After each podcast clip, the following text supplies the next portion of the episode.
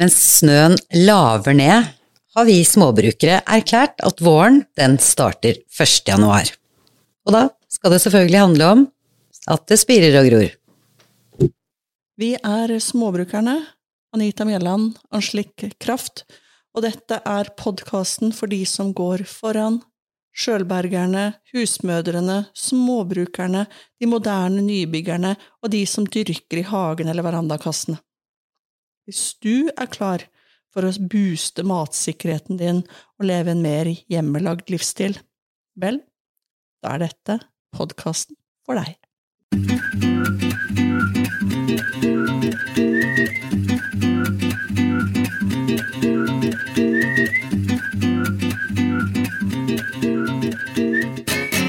Anita, nå durer eh, snøfreseren eh, utenfor eh, vinduene her. Men vi sitter og koser oss med planlegging av alt det som skal vokse og gro i hagen. Det er veldig deilig. Nå har vi jo Forrige gang så snakka vi litt om at vi måtte få i gang vårkroppen vår. Uh, det kan vi jo tenke på fortsatt, eller? Vi skulle drive yoga hver dag, jeg har klart et par ganger. Jeg har gjort én. Uh, men uh, grunnen til at det bare er blitt så få Tidenes unnskyldning er jo der. Det er jo styrketrening vi har holdt på med de siste dagene. Snømåking. Yes. Her er det ikke noe pinglete snøfreser eller traktorer, nei.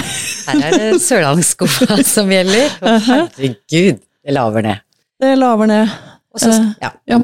Så det er det, og da er det jo veldig godt å kunne gå inn og kose seg og slappe av med å tenke på hvordan våren og sommeren skal bli. Nemlig. Og du har jo egentlig litt eh, trening i eh, det papirarbeidet det er å planlegge hva hagen og hva som skal dyrkes, og hva som bør gjøres når for at uh, ting skal uh, Ja, uh, for at det skal bli noe å høste, da. Og så kommer du med en sånn stor, fin bok som Ja, den begynte du vel med i 2007, hvor du planla din aller første kjøkkenhage? Oktober 2007 står det på førstesida der, så den har jeg hatt noen år. Den starta med dekor det ser vi så, så pent jeg hadde gjort det. Skrevet fint og klippa bilder av tulpaner og krokuser og alt mulig rart. Um, det blir litt mer røft etter hvert, men også mer brukervennlig etter hvert. Du har samlet en god del uh, sånne lure tips og råd som du har plukket Den er en levende bok, sier du til meg? Ja, det er en levende bok, fordi at uh, når jeg har drevet og lest i bøker Heia biblioteket, bare sier det. Eh, jeg har vært på nett, jeg har lest blogger, jeg har vært på De hagegale, en sånn webforum. Eh, så har jeg notert den underveis. Eh, og så er det ikke blitt en sånn statisk greie, sånn at når jeg har kommet over noe nytt innenfor temaet, så har jeg føyd til. Sånn at det er ikke skrevet ned en gang for alle og sånt, så jeg da blir ting lagt til og klussa litt med og alt med seg for å ha et eget privat oppslagsverk. Ikke sant. Og når du sier det, vi har jo nevnt det noen ganger, at det er jo ikke alltid eh, ting eh, blir som det vi har tenkt. Så eh, at det med planlegging er lurt, og litt sånn man lærer vel med årenes løp også. Nå nå eh, er det vel noen ting som går sånn rimelig greit eh, å høste år etter år etter år hos deg, regner jeg med, men er, etter hva jeg har skjønt, så er det jo også stadig noen små nye eksperimenter som uh, skjer, da, ettersom kunnskapen øker. Men det er jo noe av det aller beste med hagebruk og grønnsakhager og det å dyrke dyrke, dyrke mat og blomster, for den saks skyld, og urter eh, selv. Det er jo en uendelig mengde ting å lære. Og det er så, så godt. Og så er det så godt i vårt uh, prestasjonssamfunn Eh, å ha noe som du ikke har full kontroll over. Du har jo aldri full kontroll over noen ting som helst i livet ditt, men i hagen og på jordet og kjøkkenhagen så er det enda mer. Altså, du er overlatt til elementene. Sol og vind og regn og latter og sang. Eh, som går vel i den gamle barnesangen. Men, men, men, det er så mye utenfor deg selv som du må spille på lag med og prøve å justere i forhold til, og passe på og alt mulig sånt. Og ja, nei, altså Ting kan gå gærent uten at det er din skyld. Det er litt godt. Ja, det er også litt godt å tenke Ja. på. Men mye kan gjøres med ordentlig planlegging, og det er mye som skjærer seg hvis du ikke planlegger i det hele tatt. Altså, da er det større sjanse for at du ikke får noe greier. Jeg skal holde meg til det ene gode rådet, at ikke, ikke, ikke strekk deg over altfor mye nå. Begynn litt sånn moderat, så eh, blir ikke, hva skal jeg si, skuffelsene så store. Ikke kast deg over liksom for mange prosjekter på en gang. Det er i hvert fall min lille kjøreplan. Men hvordan er det du begynner nå i januar? Med din planlegging? Jeg har jo gjort, øh, gjort så ymse, sånn at jeg har nok blitt øh, av den mer nøkterne, pragmatiske typen. og ser på hva er det vi faktisk spiser. Eh, og hvor stor husholdning har vi? Eh, den er jo ikke så stor, vi er to personer. Også innimellom så er det noen øh, familieselskaper og noe festlige lag og sånne type ting som vi trenger noe mat til. Eh, Men jevnt over så er vi to. Eh, Det betyr at det er grenser for hvor mye jeg kan er vits i å dyrke av hver, hver ting. Ja, og siden du har hatt en litt sånn prosjekt eh, sjølberging eh, de siste årene, så alltid skal det være løk, poteter og gulrøtter, Ja. tomater og agurker Og hvitløk. og hvitløk. Ja. Fordi alle de tingene går det masse av. Det er sånne ting vi bruker. Mm. Um, det er det. Uh, og tillegg, og husk at jeg har en, jeg har en frukt- og bærhage. Bare sånn at uh, de trenger jeg egentlig ikke å tenke på, det går jo av seg sjøl. Så det er litt sånn, hvis noen tenker ja, men hva er epler? Ja, jeg har uh, 120 år gamle epletrær. Så det er ikke noe jeg trenger å tenke på, men uh, hvis du ikke har det, så vil jeg jo anbefale å huske på sånne ting òg. Men nå er det frø. Det er det. Vi går i frø i dag, og det er sånn at eh, Og i dag er vi sjenerøse i frøavdelingen, så setteløk og settepoteter og sånt Vi, vi plasserer i kategorien frø i dag, vi. Vi gjør det. Ja. Så noe av det vi bruker, er jo som du sier, det er løk, gulrøtter og poteter. Uh, vi spiser ikke poteter hver dag. Vi spiser ikke nødvendigvis hver uke engang. Så det har jo også litt å si. Så da må man begynne å regne. Og da sier jeg nei, matte! Er det noen som tenker i sitt stille sinn? Eller kanskje det ropes inn i huet, men det er ikke så gærent. Ehm, jeg tenker sånn så at ok, hvis vi spiser La oss si at vi spiser én kilo poteter i uka. Og så er det 52 uker i et år. Da er det 52 kilo poteter. Én settepotet gir ca. 1 kilo potet, ergo vi setter 52 poteter. Sånne regnestykker, det, det kan vi like. Altså, det, enklere får du det liksom ikke. Er du dobbelt så mange som oss og spiser, eller bare spiser mer poteter, så, så bare ganger du opp. Men én settepotet gir én kilo poteter? Ja, det er sånn uh, sirkus uh, cirka uh, regning. Eh, noen gir mindre, og noen gir mer. Men sånn, ja. Jeg liker det regnestykket. Det holder for meg. Og settepotetene, det er de potetene som skal, man skal ha i, som man høster på høsten, og som uh, ligger i kjelleren over vinteren, og som man, du er nede og henter i når du lager poteter Ja. til middag. Her, her har man jo litt forskjellige valg, da, for du Det fins jo det såkalte tidligpotetene, og så er det jo senpotetene. Altså seinpotetene er de som gjerne er egna for lagring. Så skal du ha noen gjennom vinteren og sånn, så må du ha de potetene.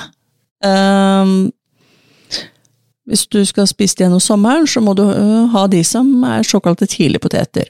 Forskjellen på de er egentlig, og dette lærte jeg for ikke så himla lenge siden, er hvor lang tid det tar øh, for de til å gro det antall poteter de skal. Fra du har satt det, til eh, gresset visner, altså det grønne, etter de fine blomstene. Eh, var vel Prøysen som kalte det Nordens orkidé. Og det er fine blomster. Så når det begynner å dette ned, det der grønne, da er de klare til høsting. Så tidligpotetene de er klarere veldig mye lenger før lagringspotetene. Og man vil jo ha litt av begge deler. Nypotetene, som vi kaller de. Ja. De er jo gode, da. Ikke sant? Rett fra jorda, bitte små i juni. Kanskje man får noen til piren. Og så og høster man underveis, og så tar man opp med det når alt er dett ned, så tar du opp alt sammen, og så spiser du det fram til oktober, november. Og så da har du høsta seinpotetene, og så begynner du å spise på de mens de ligger lagra i kjelleren, eller hvor du nå har de. Er det samme regnestykke som gjelder på disse tidligpotetene, eller? Én settepotet gir én kilo?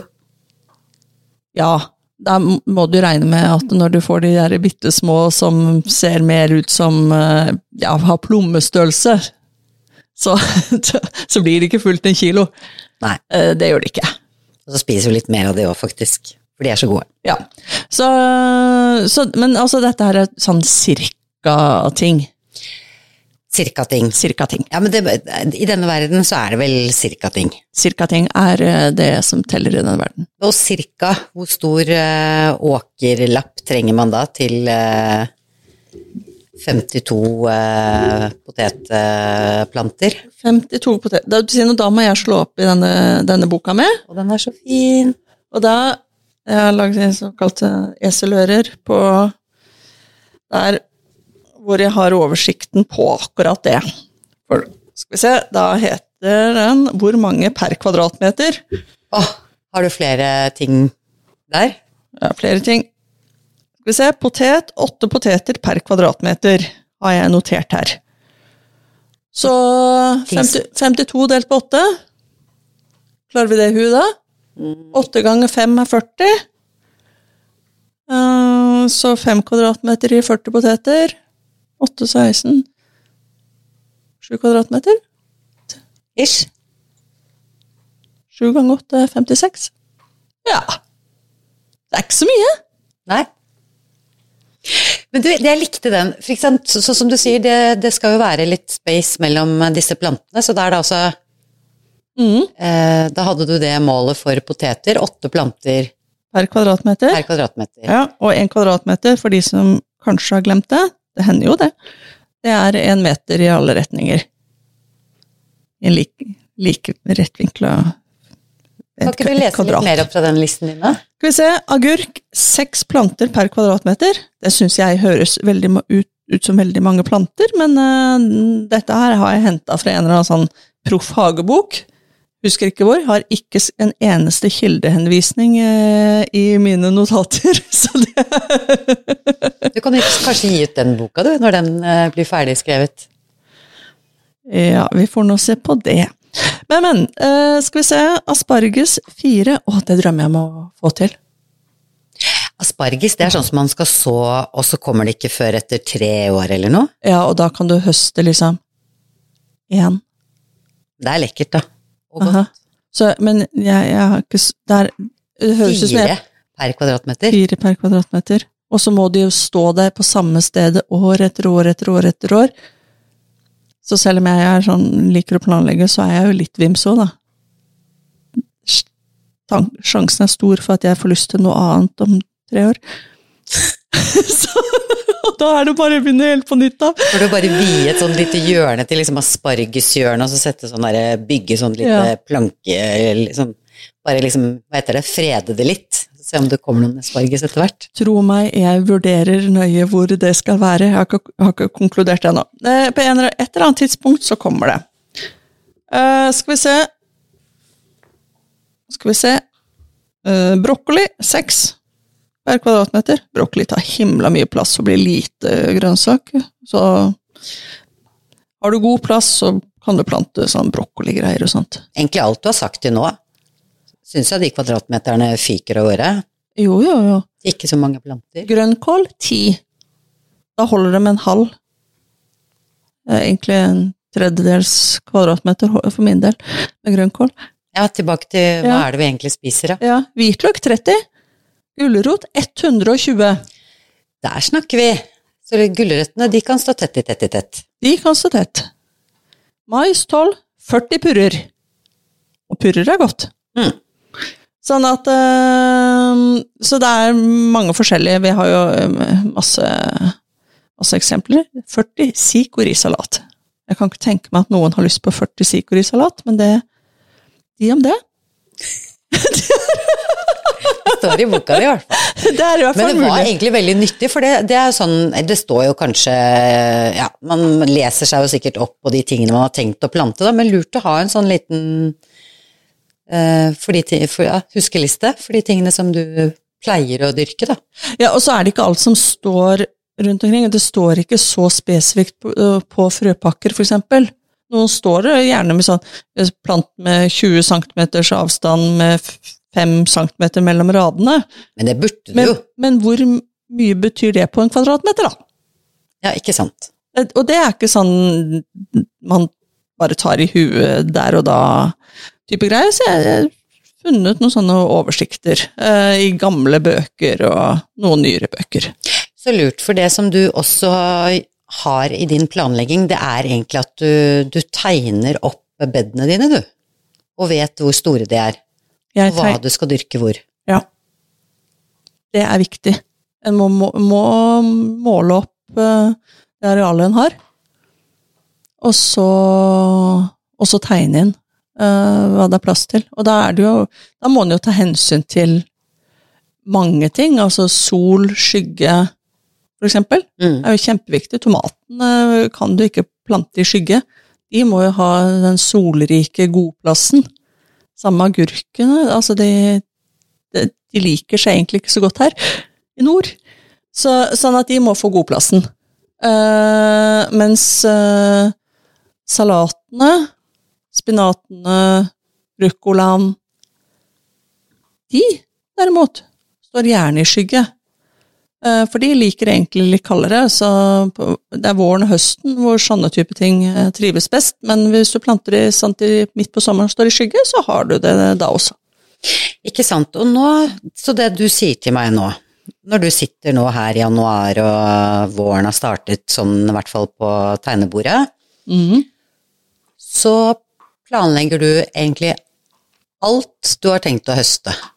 Ikke bare det som skal sås først, men alt du skal så som senere skal ut. Mm. Alt. Så planlegger du det, og da tegner du det inn, og så skriver du lister. Ja. Det er helt riktig. Og så sjekker jeg frøbeholdningen. Jeg er, I og med at jeg har holdt på noen år, så har jeg selvfølgelig frø. Og da er det jo sånn at eh, det kommer temmelig mange tomatfrø i en pakke. Og som nevnt, så vi er, to personer i husholdningen. så så det, jeg bruker jo ikke opp alle de. Eh, Og da må jeg sjekke, hvis ikke ender jeg opp med veldig mange frøpakker, og allikevel ikke noe særlig mer plass. Men du, det der med tomater, det er litt søtt. Jeg, jeg har fått så mange tomatplanter, noen herfra, noen derfra, Ja. fordi folk som ikke har planlagt så godt, da, de har bare sitter med potter med altfor mange tomatplanter, mye mer enn de noen gang kommer til å spise opp, liksom. Og så har du spurt vil du komme og stikke innom kontoret, de som har lyst på en uh, tomatplante. Eh, ja, jeg har fått fra både naboer og kollegaer, og fikk masse forskjellige herlige tomater Eh, Og, og, det, ja, og det er veldig gull, fordi at eh, vi er jo, det er jo ikke alle oss som har like optimale eh, spedbarnsavdelinger. Nei, for det er en jobb som skal gjøres inne nå, kjære dere. Det er noe Før vi skal ut. forhold mellom lys og varme og sånt, og spesielt lys. Så Og noen ganger er du uheldig. I fjor ble jeg redda av en, eh, en gammel kollega. Ingen, ingen av tomatene mine spira. Og de som spira, ble en halv centimeter. Det må ha vært jorda. Jeg har gått gjennom alle mulige feilkilder, og det er det eneste jeg kom fram til. Og det kan skje. Det kan være plantegifter i den jorda du har, som du har kjøpt, kanskje det er til og med merka økologisk, selv om de ikke har lov til å merke det som det, eller egnet for økologisk dyrking. De kan inneholde plantegifter eh, som så tar livet av dine søte små spirer. Før de kanskje i det hele tatt blir spirer. Sånn at det er ikke alltid deg, som jeg sa i stad. Så da ble jeg redda av en gammel kollega som hadde sådd for, eh, for mye. Eh, og hun jo åpenbar, hadde jo drivhus. Det har jo ikke jeg. Så de plantene var jo mye større og finere enn det jeg noen gang har hatt.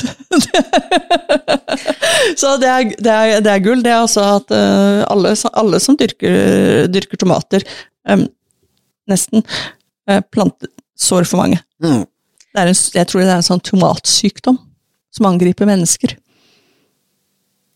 Ja, eller nettopp det, ikke sant. Det er uh, for sikkerhets skyld uh, Ja. Kanskje man glemmer litt fra år til år, da, hvor mange tomater og mange sånne klaser som faktisk vokser på en plante. Jeg tror det er sånn tomatentusiasme Sykdom, jeg. Kanskje. I hvert fall så ble det en utrolig mengde tomater, Ja. og, både, og de som ikke ble røde eller gule, de grønne, de ble Mm. faktisk sylta, og de var kjempegode. Ja, det er godt. Mm. Det er godt. Så vi må planlegge. Eh, Så tegn opp, og lag lister over det som eh, du og dine liker å spise. Det var et godt råd. Og så må du begynne å regne om hvor mye dere trenger ut ifra det du har lyst til. Og nå trenger du, er det jo ikke sikkert at du har lyst til å være sjølberga, da. Det kan jo hende du bare har lyst til å ha, gå og spise gjennom sommeren, og det er det. Ja, for det er jo ikke akkurat sånn at vi, vi må ikke være sjølberga, vi som bor i Norge. Det er lov å gå i butikken, folkens. Det er ikke, det er ikke noe sånn derre poteter og løk og gulrøtter, kom igjen, nå må dere tenke fornuftig her. Ja, nei, det er, det er ikke nødvendig. Så har du lyst til å ha fersk salat hele sommeren og noen urter, ja, så planlegg ut fra det. Kanskje du er en sånn som knasker salater til alle måltider? Dyrk mange forskjellige typer salater. Få en variasjon inn i smaksbildet ditt på tallerkenen i sommer, og elsk det. Og da, da må du ha litt god olivenolje også.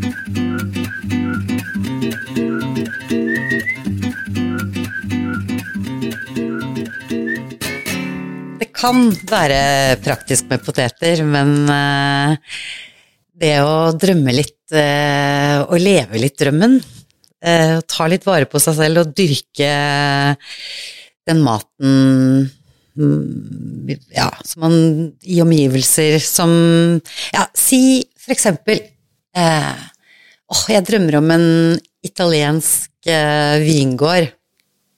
Åh, hvem gjør ikke det? Hvem gjør ikke det? Og det hadde vært Og jeg ser jo ser for meg at det er en italiensk gård, en falleferdig ruin. Hører nå kjører vi alle romantiske eh, greier som er helt ville, men det er noe så. Men, men ta litt vare på deg selv. Lev ut drømmen. Og før du sier at nei, men det går ikke, det er for at jeg bor i Norge, det. Du kan leve drømmen.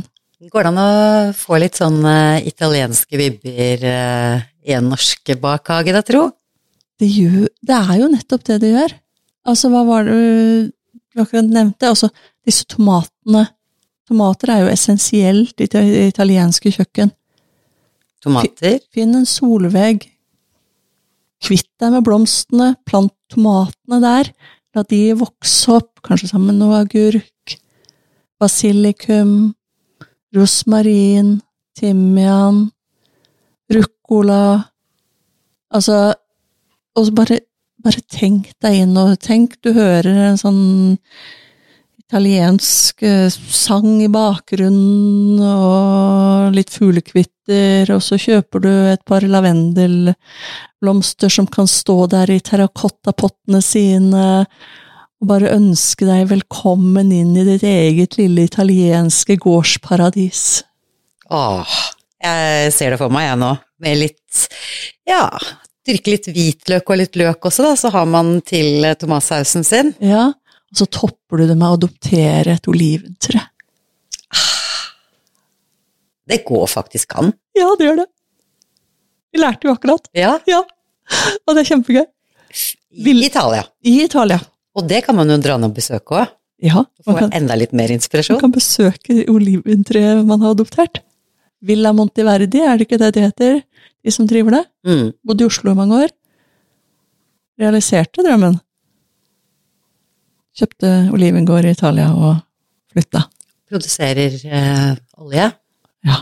På alle mulige gode måter. Det er økologisk, og de presser samme dag som de høster, og, masse bra. Eh, de, de er på Instagram.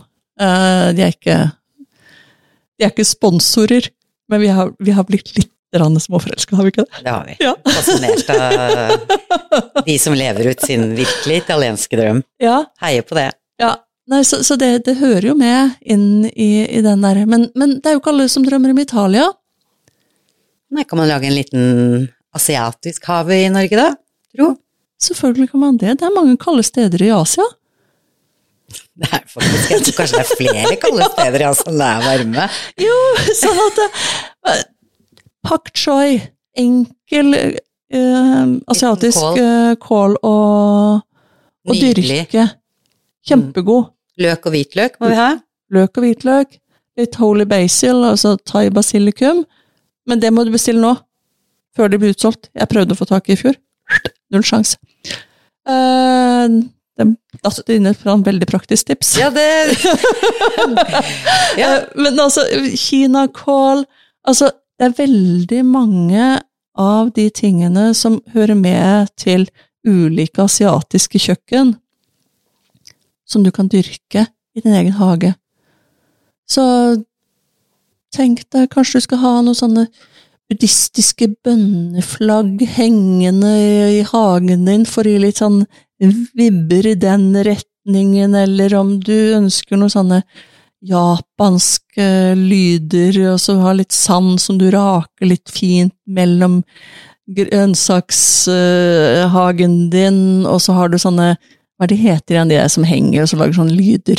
Sånne Ja. rasleremser. Ja, la oss kalle det rasleremser. Mangel på et bedre ord. Men, men altså, skap atmosfæren. Og det trenger ikke å være stor. Kanskje, kanskje, du, bare, kanskje du har en balkong? Mm. Ja, men det holder, det. Så du, Det er lov å drømme. da lever du jo lever du drømmen. Så tar du litt vare på deg selv. Det er eh, nok av praktiske oppgaver vi holder på med fra dag til dag. Ja, så hvor Så fly litt av gårde. Ja, drit i alt mulig sånne Nei, nå må vi sette, putte fingeren i jorda. Ja, vi skal putte fingeren i jorda. Vi skal leve ut drømmene våre. Og det er så viktig. Da blir vi så mye gladere. Og både du og jeg har snakket ganske mye om det egentlig i det siste, at uh, hva vil du? Ja. Og det, det spørsmålet tar vi ikke opp så veldig eh, ofte med oss selv. Så det har vi begynt å minne oss på hverandre på at Men hva vil du? ja. Og da, det, da snakker vi jo sånn Her er det ikke lov til å tenke på noe som helst praktisk. I første Nei, nei. runde. Det, Ingen sperrer. ingen Bare- sperrer. Ingen må, ingen skal. Bare Penger, null oss. Eh, familieforhold, null problem oss. eh, bor, bor i Norge med hus og gård, null problem oss. Altså, her er det bare hva er det du egentlig vil, og hva er det du egentlig drømmer om? Og du må jo gjerne sende oss hva du egentlig drømmer om. Ja, Det er noen eh, hager eller eh, noen eh, andre prosjekter du eh, går og tenker på. Så er småbrukerne stedet hvor du kan dele noen drømmer. Ja, altså vi har rom for den nye Bill Gates òg, vi. Det er ikke noe problem. Så lenge du tar vare på meg.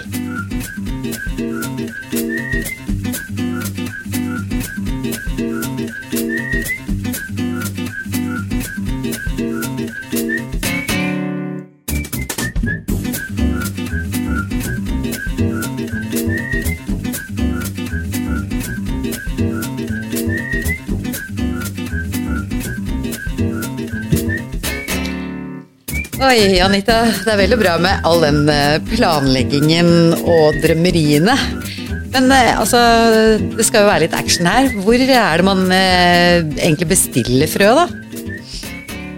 Ja, vi, for vi bruker jo ordet bestiller, og det er jo fordi at vi er tidlig ute.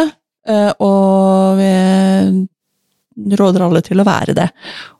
Og takk og lov for at vi lever i denne tid vi lever i, for det fins jo internett, som alle vet.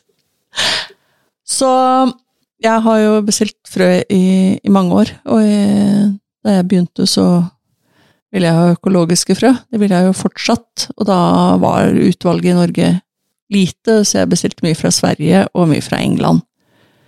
Uh, nå bestiller jeg alt fra Norge. Eh, og det noe skyldes sånne kjipe ting som tollregler. Eh, og gebyrer og sånt, og det syns jeg er noe kjedelige greier. Uh,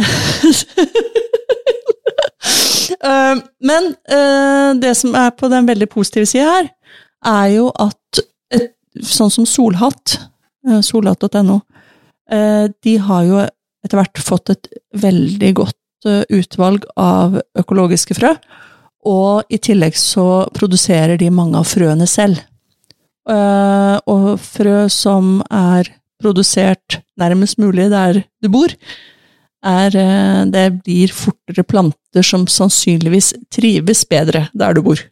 Ja, at de, ja, det ligner litt på de omgivelsene Ja, de er ikke så langt fra hverandre. Det er ikke frø fra Asia, liksom.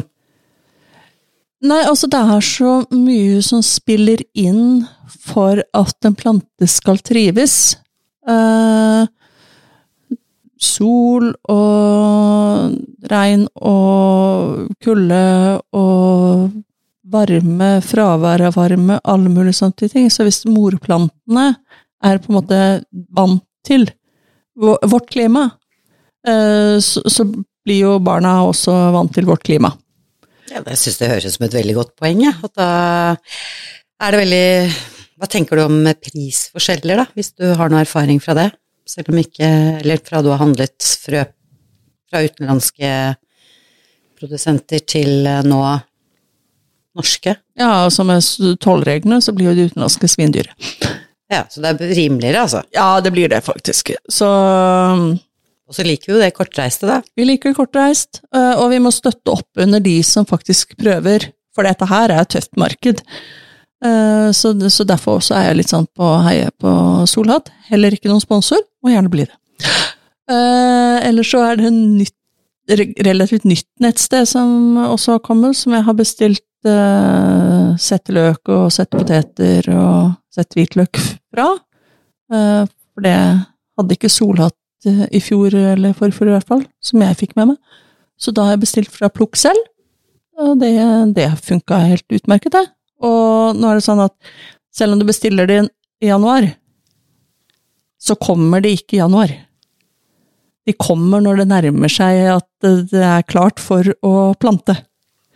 Sånn at du trenger ikke å tenke på at oi, der sitter jeg med ti kilo settepoteter og tre kilo setteløk, og hvor skal jeg oppbevare dette her helt fram til jeg kan begynne å ta de ut i april-mai? Eh, De kommer seinere. Ja, sånn at du så, så det er bare å bestille. Og det blir utsolgt. Eh, og det er ganske fort. Ja, for det har du sagt til meg flere ganger nå, at nå er det, det er viktig å i hvert fall få satt bestillingene sine Ja. i, i, ut i livet. Mm. For ting forsvinner, og det har skjedd noe de siste årene. Det er eh, Jeg syns jo det er en bra ting med covid. Denne koronaen vi har vært igjennom. Og det er jo at det er jo mange flere som har fått øynene opp for, eh, for å dyrke. Eh, Det betyr også at det er flere som eh, kjøper frø og settepoteter og sånne type ting. Så markedet har økt, og produsentene klarer ikke umiddelbart liksom bare å smæke ut et dobbel mengde, eller hva vet jeg, som det gikk, over natta. Sånn at det er um, Man må være tidlig ute hvis man har lyst til å ha et utvalg. Hvis ikke så blir det liksom å ta til takke med det som er igjen. Men så er det jo sånn at er du litt seint ute med noe, eller fikk ikke bestilt, eller var utsolgt, eller noe sånt, så, så finnes det jo også sånn altså, Hageland og Plantasjen og sånne hag, hagesenter også. De får gjerne frøene inn litt seinere. Utvalget varierer veldig fra hagesenter til hagesenter. Men, eh, men jeg har registrert at eh, det blir mer og mer økologiske frø tilgjengelig også der. Så, så der er det også muligheter, altså. Til og med på Europris har det jo frø. Ikke sant? Nei, men det er det Så- som er så bra.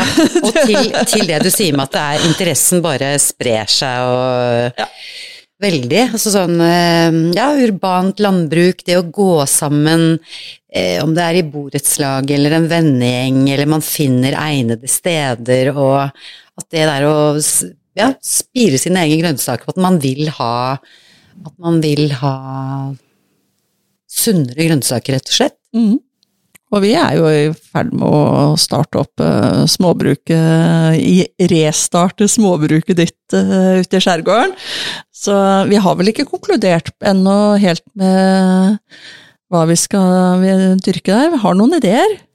Altså, jeg falt jo veldig for denne hvitløksfarm-tankegangen. Det er ingen som vet om den. Nei, det kommer vi tilbake til. Men men en, en ting jeg lurer på, da, fordi eh, det er jo Altså, det er så mange ting Altså, jeg eh, Jeg eh, jeg tenker i hvert fall et småbruk trenger poteter, Ja. gulrøtter, løk og hvitløk, tomater. Mm. De tingene, er- Sånn den basicen, den faller jeg for, fordi det er ting man bruker nesten daglig i det meste man lager. Jeg er veldig glad i italienske retter. Men når man sitter sånn på sånn planlegging, da, Mm. så er det jo også, og du, som du sier, det er solforhold, det er vindforhold, lys og skygge. Men hvilke planter er det egentlig som passer sammen også? For det er jo noen planter som trives bedre sammen, og andre som ikke fordrar hverandre, liksom. Ja, og det, det er i hvert fall det jeg har lest. Nå skal ikke jeg opphøye meg selv til noen ekspert her, jeg har ikke studert biologi eh, på noe som helst vis, men når det gjentas i veldig mange forskjellige bøker, eh, med ulike opphav, og det mye går i, i tradisjonen, og når det kommer til dyrking, så er det mye i tradisjonen, altså det er folkekunnskap, eh, som ikke nødvendigvis er vitenskapelig testa og sjekka, men altså dette her har erfaring vist. Så, så går jeg for erfaring. Så, så jeg har jo lagd meg en liste da, over sånne garanterte ekteskap som blir lykkelige. Eh, og så noen sånne nesten garanterte planteskilsmisser. Uh, jeg har en følelse at jeg stjal begrepene fra et eller annet sted jeg leste, men jeg likte det så godt, så det står i boka mi. Eh, så der har vi jo noen sånne Noen som vi trives godt sammen. Tomater og persille, for eksempel. Ja, den visste jeg. De skal, de skal stå tett. Ja, så det er jo en klassiker, så bestill noe persillefrø, og så sammen med tomatene dine, og persille trenger lang tid på å spire, sånn at uh, de bør du starte tidlig, hvis det skal bli noe schwung på. Uh, gulrot, bønner og løk funker sammen. De funker sammen. Ja. Trenger ikke ta alle tre. Du kan gulrot og bønner, eller bønner og løk, eller gulrot og løk. Eh, kål og tidligpotet passer sammen. Løk og salat. Gulrot og purre og tagetes. Det slår meg bare at mens Altså, disse, disse vellykkede parforholdene som du sitter og ramser opp nå, Mm. de passer jo godt sammen på bordet òg, de. Mange ganger gjør de jo det. Eh, og det er jo sånn eh, Så kan du tenke at ja, men Kan man ikke bruke det som en uh, rettesnor for samplanting? Ikke nødvendigvis. For vi vet jo at sylteagurk i potetsalat, det funker jo veldig bra. Agurker og poteter liker ikke så godt å bo sammen. Ok, så de skal være i hver sin Så de, eh, kvadratmeter. de, må, de må være litt fra hverandre. Eh, Hvor litt fra hverandre Hva litt fra hverandre betyr, det er jeg ikke helt sikker på. Så, men eh, ikke plant i annenværet, liksom. Kål og jordbær, heller ikke noen stor fan av å henge sammen. Eh, Hvitløk og erter. No, Eller no. No, no. Sjalottløk og erter. Ertene er egentlig litt sære. Um, Liker de seg best alene, de, eller? er det noen de trives med? de trives sammen med neper. Ah, De trives også sammen med agurker og med sukkermais. Og karve. Så det er ikke, det er ikke helt, eh, helt borti natta, altså. Men altså, nå kommer du med viktig informasjon her, for det òg er jo noe med Altså, én ting er hva man ønsker seg, men så er det også å sjekke litt da om de passer sammen, da, eller om de rett og slett er planteskilsmisser. planteskilsmisser. -hmm. Og nå fikk jeg egentlig en idé. At jeg ikke har tenkt på den før. For vi snakka akkurat om asparges, og de tar så himla lang tid. Mm. Tomater og asparges er a love affair. Ah, Hvis jeg planter asparges der hvor jeg pleier å ha tomatene mine, så kan du kose deg med alle de tomatene mens du venter på at eh, noen vakre asparges skal eh, Aha. komme etter hvert. Dette må tenkes mer på. Eh, se der, og, og det, det, det er jo derfor jeg liker sånne lister. Fordi at det, det gir noen ideer også. Eh, som du kanskje ikke hadde tenkt på før. Absolutt. Så, så kanskje det plutselig dukker opp en sånn Å, ja, men, å, ja, men da skal jeg dyrke det også. Det er nettopp det. Jeg tror altså Det er nok eh, det vanskeligste blir å begrense seg. Og det, jeg skal Jeg skal ikke gå i den fella. Jeg skal, jeg skal lykkes, jeg skal gjøre ting som Kanskje Ja, jeg skal bare Eller jeg skal kose meg med det lille jeg skal dyrke. Ja. Sånn skal jeg bygge opp det småbruket. Ikke sette i gang med noen sånne helt uh, hilarious uh, prosjekter. Du er kjempefornuftig. Her, her jeg sitter og planlegger, da. Ja, for, for det skjer jo fort, altså selv, selv, selv Når man først har hivd seg ut i drømmene, og så liksom å, se for seg den visjonen og sånn, så er man disiplinert, og så lager man listene, og så klarer man å følge lista når man bestiller, sånn nesten i hvert fall. Fryktelig fort å trykke litt, eh, skal vi si, feil. Ups, der kom det visst med eh, fem forskjellige frøpakker til. Men så kommer jo også våren, da, og så går du inn på et hagesenter fordi at du trenger trenger noe mer jord, du trenger et nytt greip, eller altså, hva vet jeg hva du trenger på hagesenteret? Det kan være så mangt. Så står de hyllene med frøpakker der, da, med sine glinsende, vakre bilder og perfekte utseende grønnsaker, og du, hvor lett det er å plukke med seg noen sånne pakker. Tre for to er det her nå. Vet du hva, det skjønner jeg så godt. Jeg har ikke havnet helt der ennå, men jeg kan jo kjenne meg igjen i alt jeg sitter og leser, eh, og så plutselig frø som både er til pryd og nytte. Yes, give it to me. Spiselige blomster og urter, det er jo vakkert Ja, og, og det er jo en nyttig. så fin greie, for du kan jo ha en vakker, spiselig hage. Ja, og da vil jeg ha det. Ja. Og så kan du droppe de blomstene og plantene som bare er pene. Og så tar du de som både er pene og spiselige eller medisinske. Ikke sant? Jeg tror, ja, de må føyes til på denne listen min, tror jeg. Og hvem tenker du på da? Det er jo så mange. Eh, jeg vet at eh, lavendel er spiselig, men det er jo veldig Jeg syns ikke det er litt sterkt. De er pene å se på, da. Veldig, og så lukter Lukter de så godt. deilig. Og så kan man putte de i kommodeskuffene, og så holder det møll borte, og så lukter sengetøyet lavendel. Jo, men lavendel hadde vært der uansett, fordi sånn i potter og sånn. Men eh, den vet jeg i hvert fall om, og så vet jeg jo at eh, Det har jeg ikke tenkt å begynne med, men eh, rose er jo spiselig. Ja, Eh, og så lukter det godt. Hvis du kjøper riktig typer. Ringblomst. Det tror jeg også er spiselig. Ringblomster er spiselig. De er jo superenkle. Strø frø ut en gang, og du har for alltid. Da blir det det. I fjor måtte jeg luke bort ringblomst. Men, Men det eh, blir jo så fint! Altså, jeg syns jo pynter du salaten med de? Ja, av og til. Mm. Eh, viktigste er at de, de blomstrer ganske tidlig, og så blir det jo så rikelig av det, så jeg har det jo i vaser rundt omkring, i, både i hagen og inne på kjøkkenet og i stua og, og overalt, egentlig. Og det er jo mange sier 'nei, jeg vil ikke ha oransje og gult i hagen min. Det er jo lekkert. Knus den der eh, ideen der. Det er jo Og i hvert fall ha det i kjøkkenhagen, da. Og du blir så glad!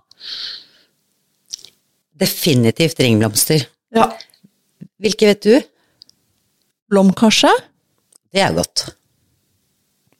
Blomkarsen er jo kjempefin. Uh, Fins uh, både i de klassiske røde, oransje, gule fargene, men det fins også i en sånn kremhvit uh, variant. Blir også fort utsolgt.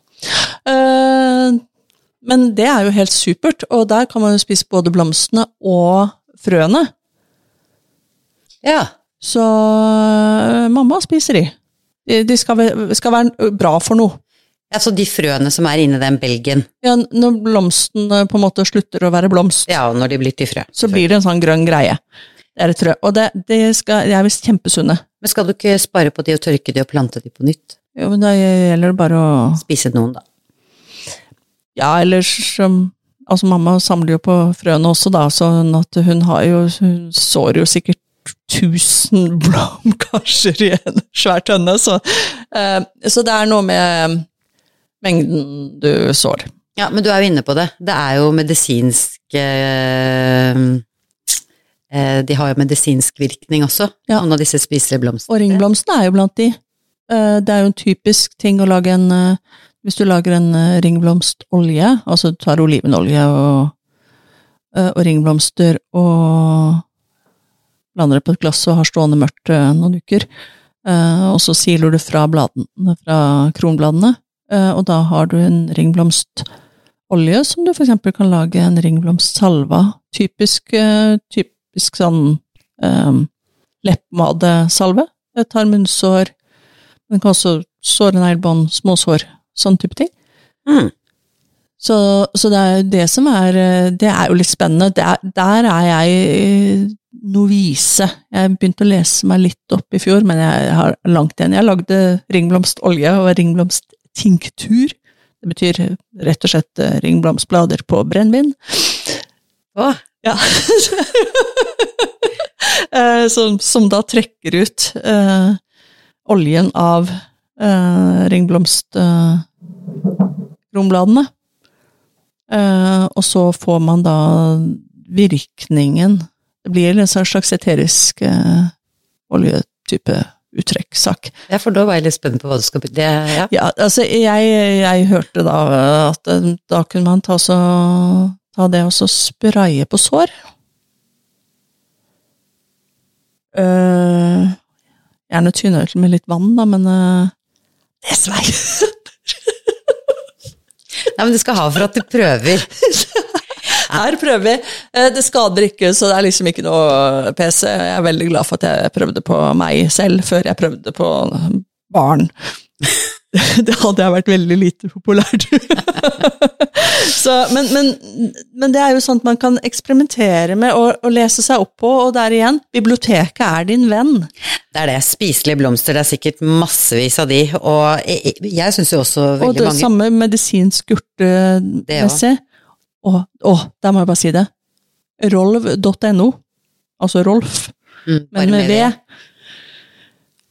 det er en god kilde til eh, masse urter og planter. Som man kan sanke? Som man kan sanke, og som man kan dyrke. Ja.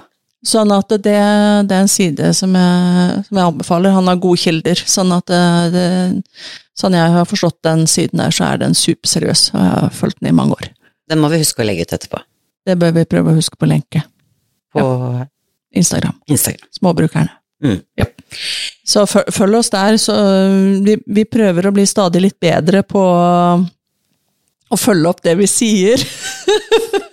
kan du notere at vi skal legge ut eh, lenken til Rolf? Så vi ikke ja, glemmer oss igjen. Det skal vi gjøre. Ja. Um, så Nei, det er Men tenk deg, da! Da har vi igjen på den derre drømmen, ikke sant? Og jeg vil ha en spiselig hage som også er vakker og så dyrker du det litt sånn spiselige og medisinske urter og blomster i grønnsakhagen din. Du har grønnsaker i bed sammen med disse vakre prydblomstene som også da er spiselige eller medisinske eller nyttige på et eller annet. Vis utover bare sin vakkerhet, som oreganoblomstene. Det begynner å skje noe litt her nå, og, urt, og de dufter. Ja, og det er Og du får liksom til alle sansene inn på den samme, samme, plassen, og da blir det jo en sånn opphøyd uh, enhet. Og uh, hvorfor kan du ikke ha kål i blomsterbedet?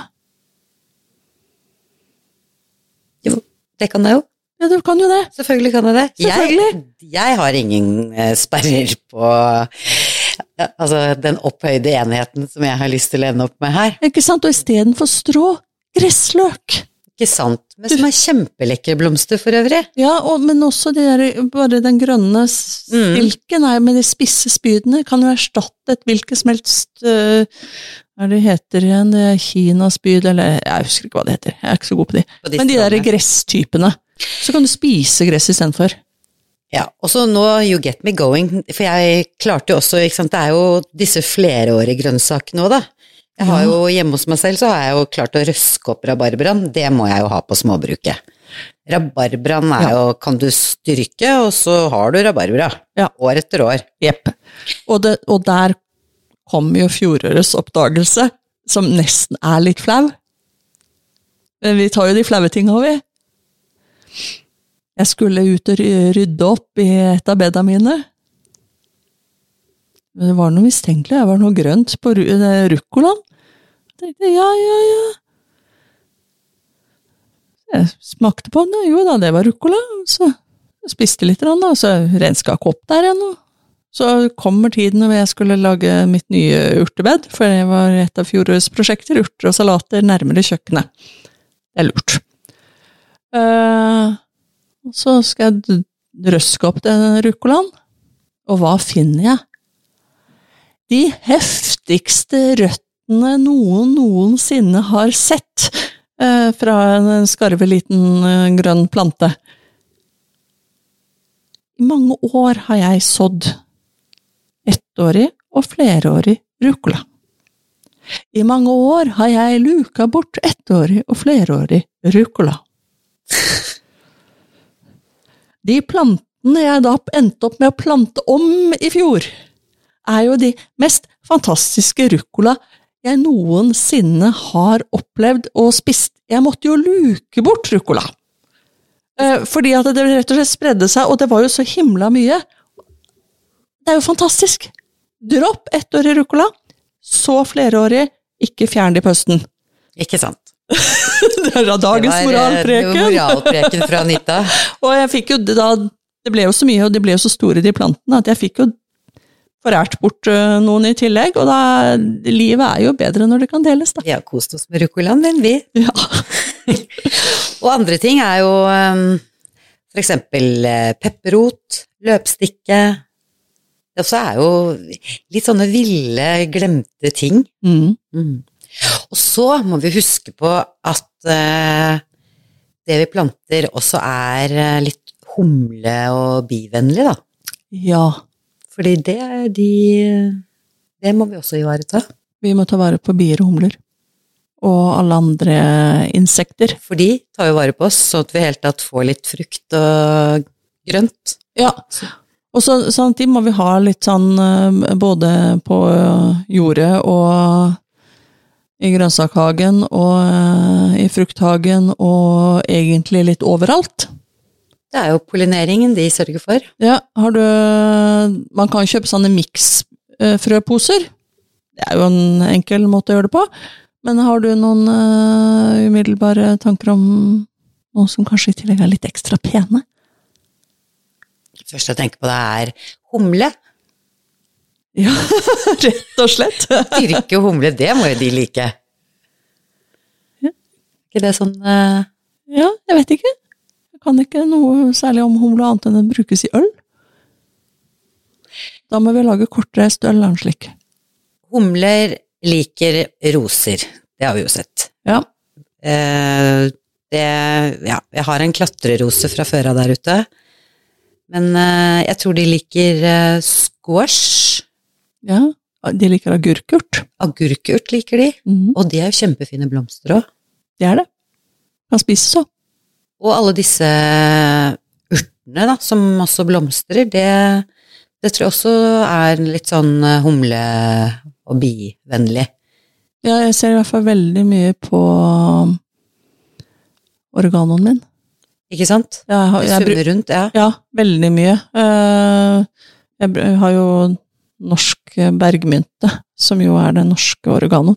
Mm. Og den sprer seg jo, sånn at du må tenke litt på hvor du planter den. Eh, Jeg bruker den jo som eh, en del av min biologiske krigføring i hagen. Du driver med det òg, du. Du driver med det òg, og ikke bare det, men Det er for å den skal slåss mot uh, skvallerkålen. Som også er spiselige, men jeg spiser ikke så mye skvallerkål.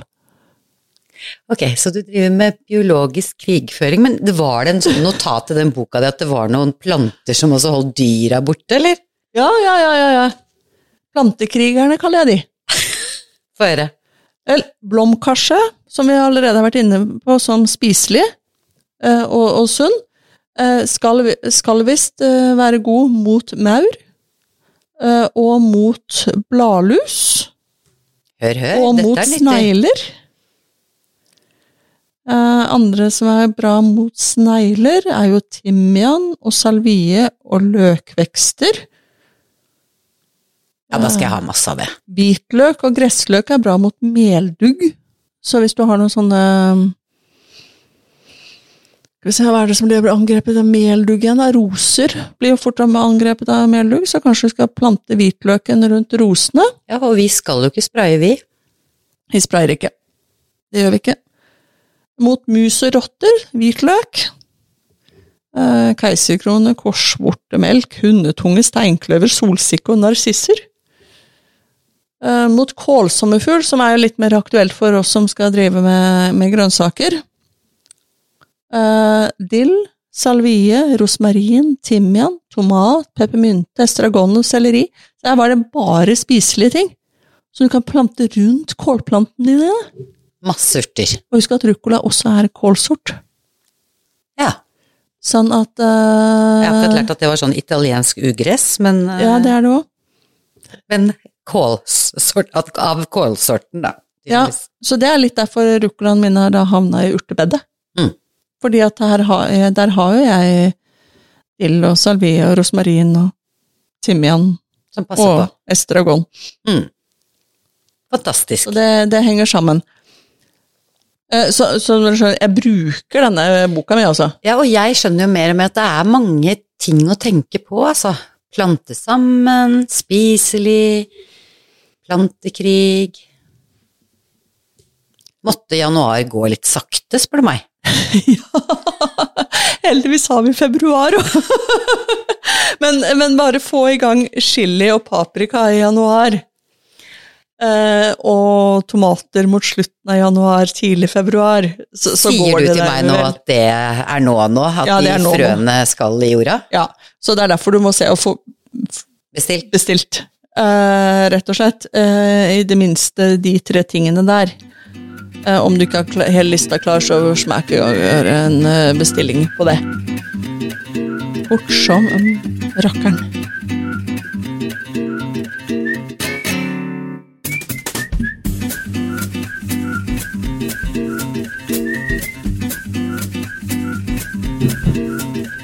Du, eh, når jeg nevner disse med chili og paprika og sånt eh, som du må bestille fort som, eh, fort som rakkeren, så er jo det fordi at de bruker himla lang tid på å vokse.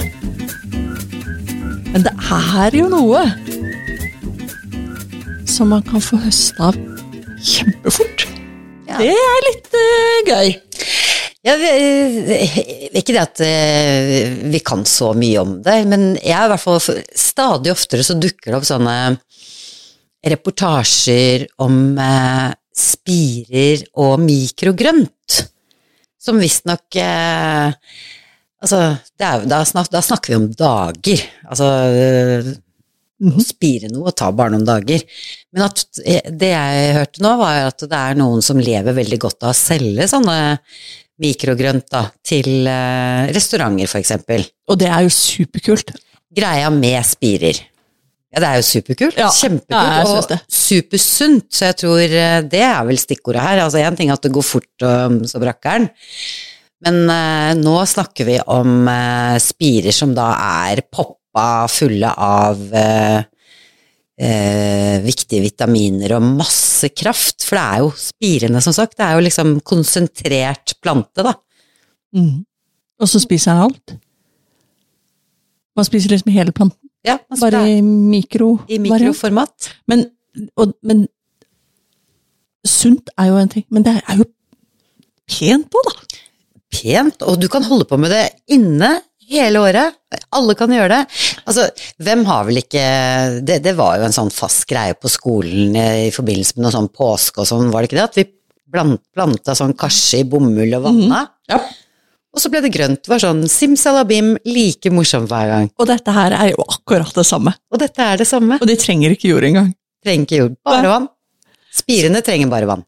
Spirene trenger bare vann, og de, de har jo vært noen, år, vært noen år og vært solgt i noen år. Uh, og veldig mange sier at det er veldig enkelt. Eh, jeg, jeg tror det er for kanskje for mennesker som er litt mer disiplinerte enn meg, for jeg tror jeg har fått det til to ganger.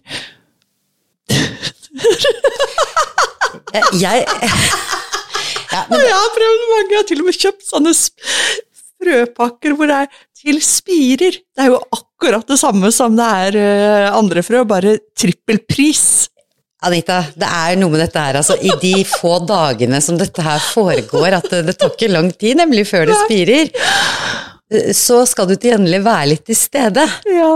Fordi at eh, du, dette skal jo vannes og skylles eh, i hvert fall et par ganger om dagen, og stå Ja. mørkt om natten og ut om dagen. Ja. Og, jeg vet ikke om du er hjemme to ganger om dagen engang, jeg.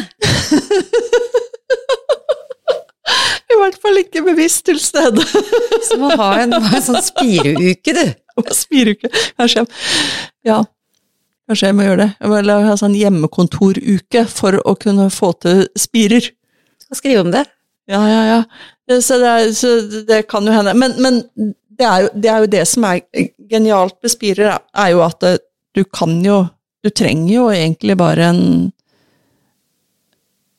kran med kaldt vann. Yes.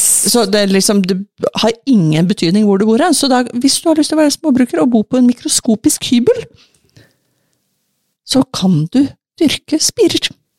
Og husk, altså det, som eh, sånn litt garnityr på brødskiva eller oppi salater og alt, det er, det er powermat. Og microgreens kan jo Altså, de spirer jo når det er mørkt. Også de. Mm. Så du kan ta liksom en sånn Så har sånn Du kan sette kasser oppå hverandre.